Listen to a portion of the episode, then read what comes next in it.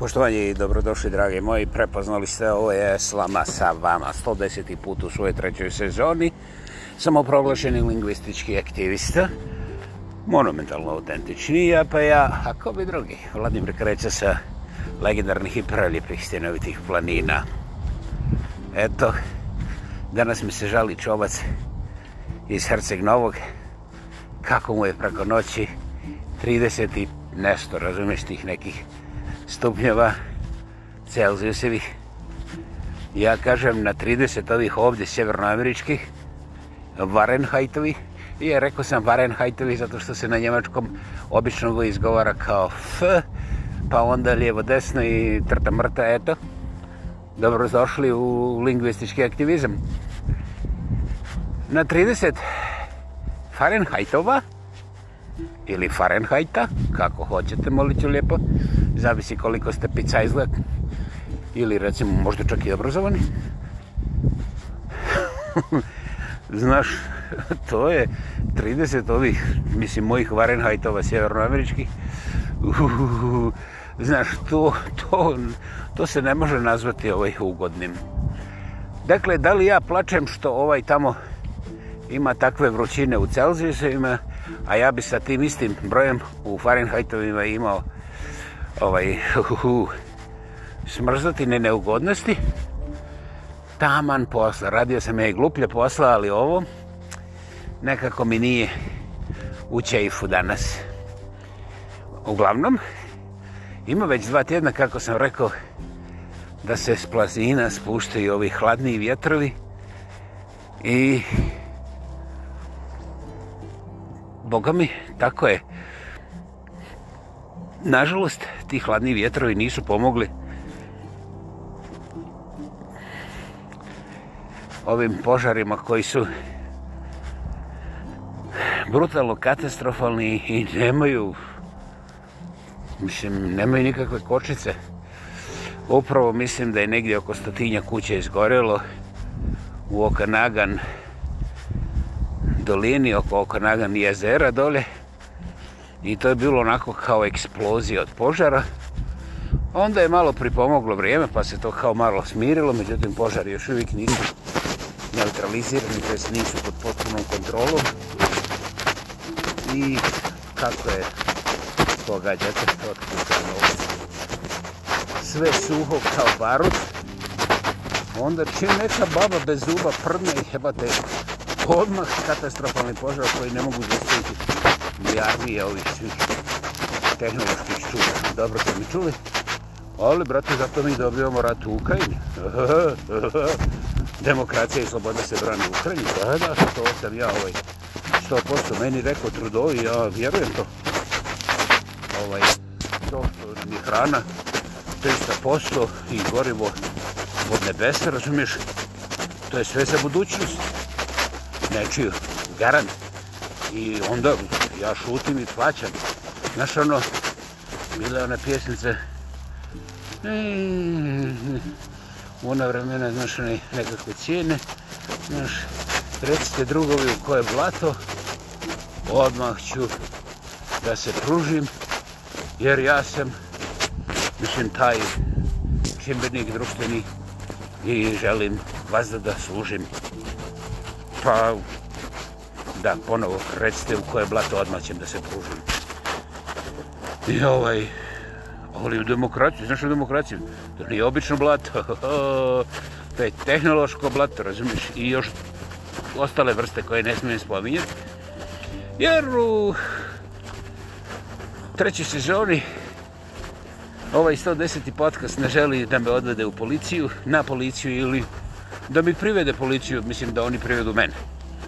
Pa onda sklizavamo sa ove, ovoga naslove i idemo idemo da jedemo pečenu koku u lokalnom kosku.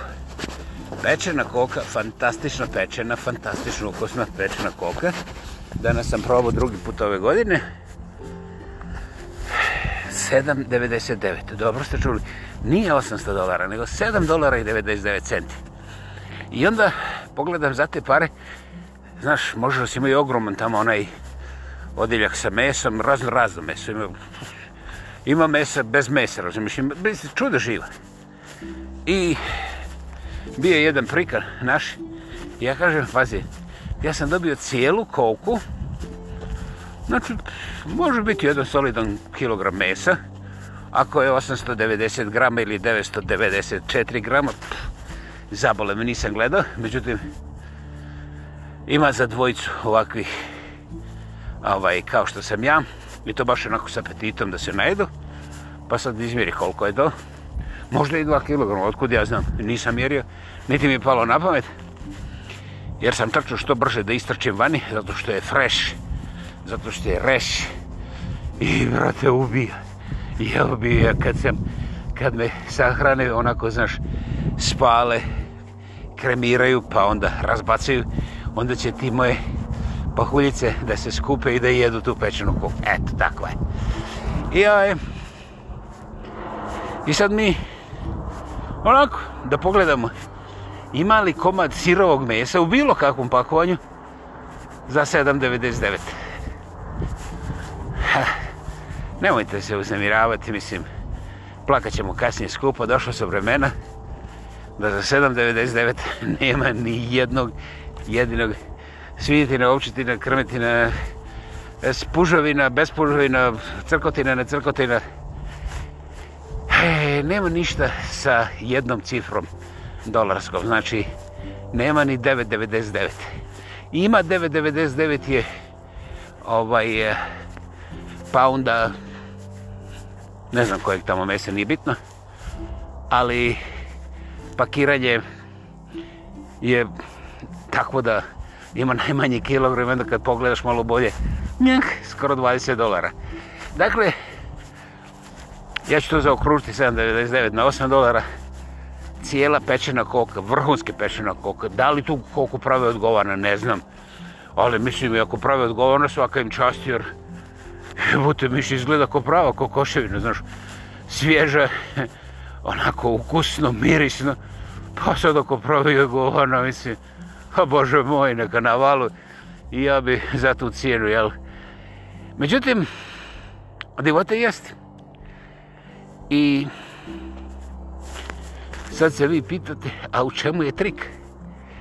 Pa znate, velike korporacije, nemaju problema da daju neke stvari za džaba. Međutim, oni ne žele da se pomisli da oni to mogu, znaš, pa onda tu i tamo spuste cijenu nečemu. Jer da bi došao do koke, moraš proći najmanje 50 metara najrazličitih ponuda od elektronike, od krpa, od začina, od načina, od eh, mašina. Mislim, šta god možeš zamisliti za kućanstvo i okolo kuće i na kuće i spod kuće i šta ja znam gde, već ne. Bombardirate dok dođeš do te koke. Koka je na onome najudaljenijem zidu. Ovaj tamo ili frižideru ili čez, šta ja znam kako se zove, onaj pećete, nije bitno. Dakle, za tu koku moraš da izvršiš jedan marš kroz tu cijelu ogromnu robnu kuću i ovaj i niko ti ništa druž, niko ti ništa ne govori, onda ti uzmeš svoju koku i ideš kući. Međutim, zin. Ja ni jedan put nisam planirao da uzimam ni koku ni nešto drugo. Međutim, čekaj se, e, međutim, zin, aha, dobro. Kad sam uzeo koku, mislim, znaš onako, ugodno, toplo i sad ja mislim sad će izaći, znaš tamo, sakrijem se na neki parking, levo desim, zašto da idem u kuće, do kuće mi ima pola sata vožnje, ohladit će se koliko mi izvuče. Nisam ja proždrljiv, nego šteta da se ohladi.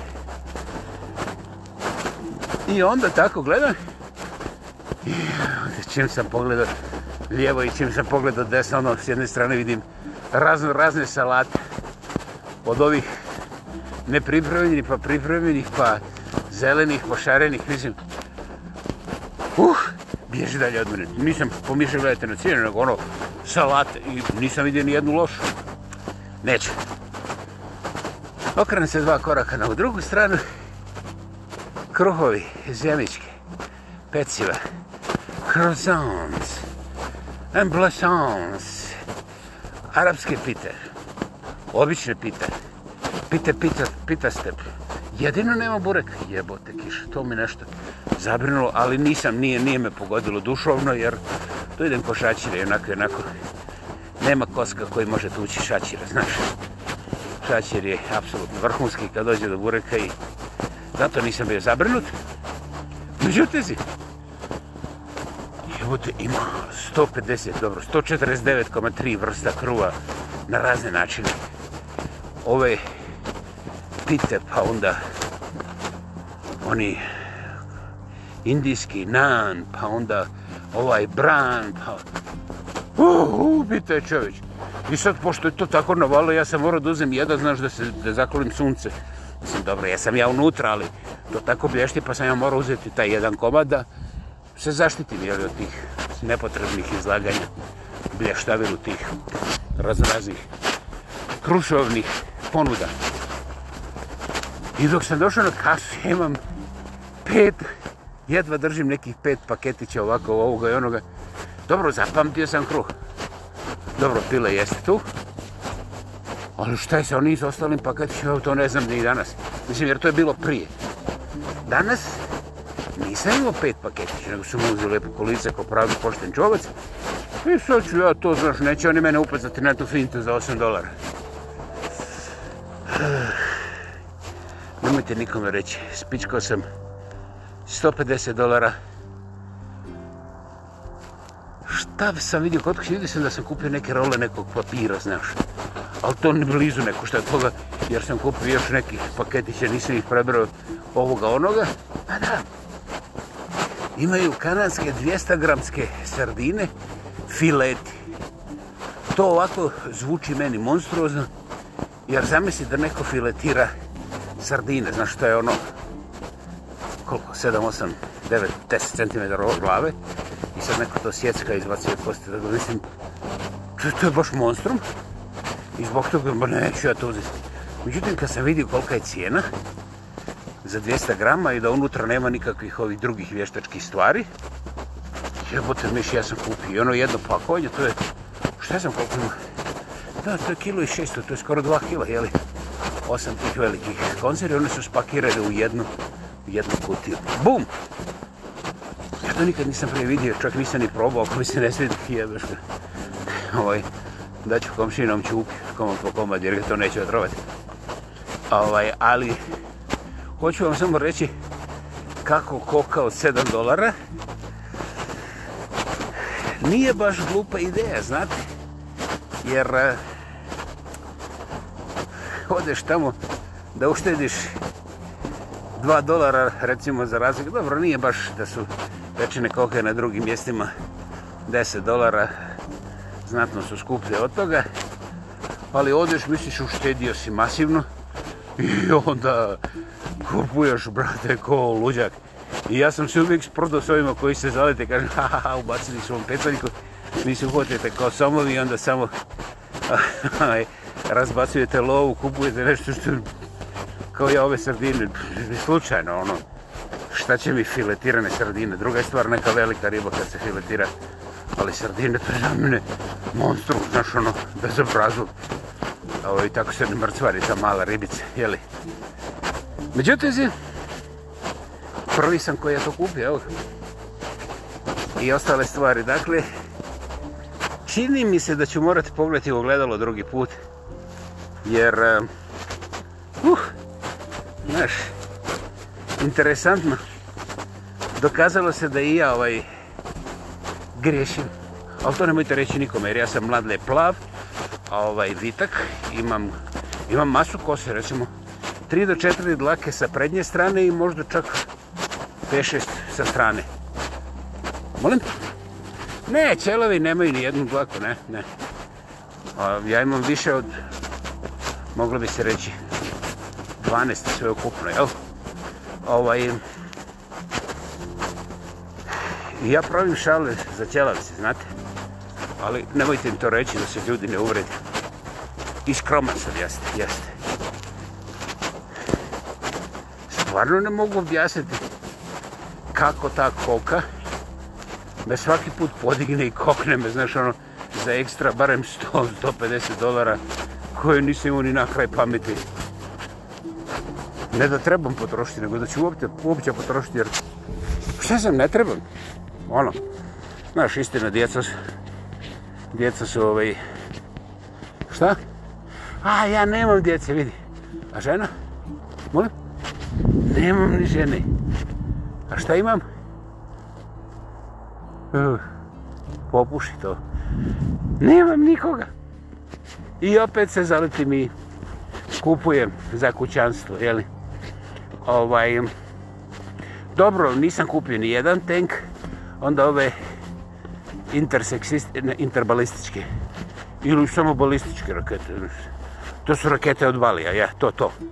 Nisam, nisam, nisam kupio takve stvari, to ću malo kasnije kad demokracija ovaj, zatraži od mene da ovaj, idemo na te pobjedničke parade, jel? Ovaj, ovaj, nego u tom samoposluga, ko samoposluga ovako glomazna, ali tamo se kupuje ta hrana, odjeća i ima nešto obuće, ima namještaja, vlata, elektronike. Dakle, nema podmornica, nema. Ko zna, možda bi ja kupujući koliko kupio dvije, tri podmornice onako da mi se nađe. Nisam siguran zašto, ali ja biš ga, baš je cool imati dvije te podmornice parkirane ovaj, tu na parkingu ispred kuće. Znaš, jer kad dođe policija to da ukloni, da moj susjed može izaći i obraći, ho, ho, ho, stani, stani, stani. Privatno vlasništvo, lepi moj, ovo je, nije ovo bezakonje, nije ti ovo puti vlandija, znaš, pa da možeš što niti nekako tamo topove i sad uzeti moju privatnu imovinu i mrdati lijevo desno. Halo, halo Evo zakon. Zakon kaže, a u meni zakon kaže da se ovdje ne mogu parkirati ni ovi mali pick-up kamiončići preko 500 kg. Ja kažem, slažem se, to je 100%. Međutim, gdje u tom zakonu piše da ja ne smijem parkirati podmornicu? Njuk, šahmat. I ja onda kažem, gospodine druže, znate, vi povređujete moje demokratsko pravo, samoopredeljenje, to je expression of freedom. Mislim, ja sam pokušao sa guzom, ali su mi je razbucali, jebote. Ona i onaj crnči guzi ima, brate, pet koroga, ja mislim jednu. Čoviću, izoštrije mi vid za sljedeći 300 godina, dakle, ne dolazi obzir. I onda sam ja da bi bio cool kupio podmornicu, to je moj razlog, to je moj expression. Znači, ako ti hoćeš da ja budem LGBT, ne može dok se ne oporavimo od onog crnca, znaš. On je, mislim, jebute, mislim, šta ste mi dopustili to? kao oni neki robovi, evo to ima, ima veću, mislim, tu žilu od konja. Ne mogu, ali podmoricu niko mi ne ulazi u gaće, boga mi. I podmorica je moj expression of freedom. Znači, guzu sam ostavio po strani, liđe pa tako da mogu to mogu i ovi, evo, ovaj drugi susjed, vidiš. On ima rainbow svagdje, to je tu dugu. Kod mene je kratka i meni se vrti kad vidim toliko boje na jednom mjestu. I ako ga slučajno gledam krivo, jebute vi mi izdate onaj tiket za, za mržnju. Ja bojim, nemam ono, nikakve mržnje, meni stvarno taj, taj, znaš, ono, duga mi se vrti. Znaš, ne, nema gdje nije zaljepljen, jedino još nisam našao kod kuće na svoje ovo jutarnje kavi. Sve drugo je izlepljeno sa tim duginim bojama, zastave, prestave, razumiješ, tako dalje. Ne mogu, ja sam stari čovjek. Pa to je vaše pitanje. Odlično, tako je i podmurice moje pitanje. I molit ću vam lijepo, molit ću vas lijepo okrenite se, ja sad trebam da zaronim. Znam, ne, ne objašnjavajte mi da smo mi ovdje na 1200 metara nadmorske visine, na kraj prerije i da je prvo more tamo prema Japanu, odavde je jedva 1100 km, jel? Hvala, vidite, imam te informacije. Međutim, moja je tajna, privatna, Freedom Expression, znaš, demokrasi, demokrasi, to je, da? Kako ću ja zaroniti? Umeđu vremenu, zamoljavam vas i ovoga nezerviranog susjeda za zađebite, jer mi nemate ništa novo reći. Nemate nikakav zakonski osnov da dirate moju podmoricu, a onda se okrenite da bih ja mogao da zaronim, jer ako ne zaronim, ovaj, onda, tek onda će izroniti ovo drugo podmorice i nećete moći da to okolite tek onda.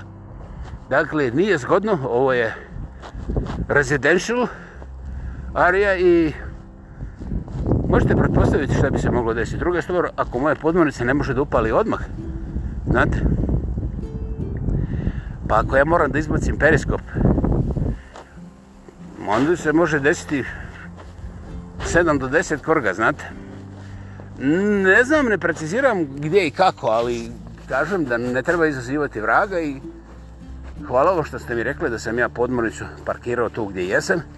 Jesam, kada bude napisan zakon da ja ne smijem parkirati podmornicu usred predije, a na svome parkingu, vi onda posljedično, upravno, pravno možete da razvijate odgovarajuće zakonske podakte kojim ćete imati pravo da potegnete mene, odnosno da potegnete podmornicu, jer sada nemate na temelju čega da zovete gradsku vučnu službu da ukloni moju podmornicu.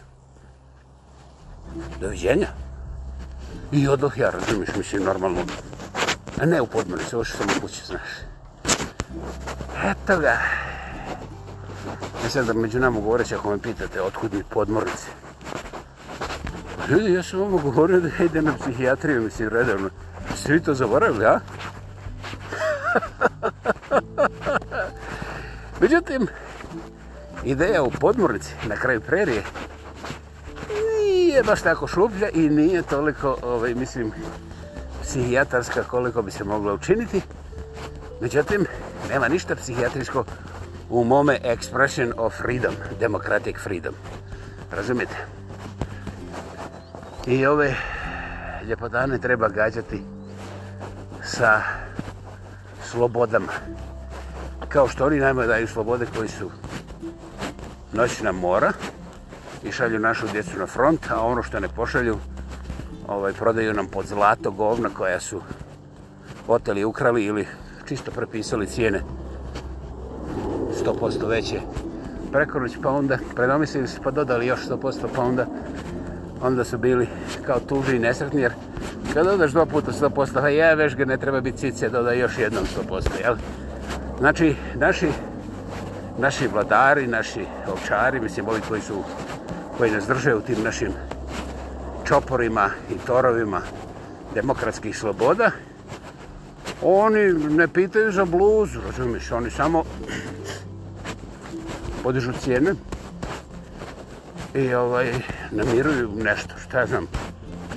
Mislim, meni je već odvratno jer, znaš, kilo janjetine, dva piva, jebeš ga, ja onda spavam dva dana a oni oni maznu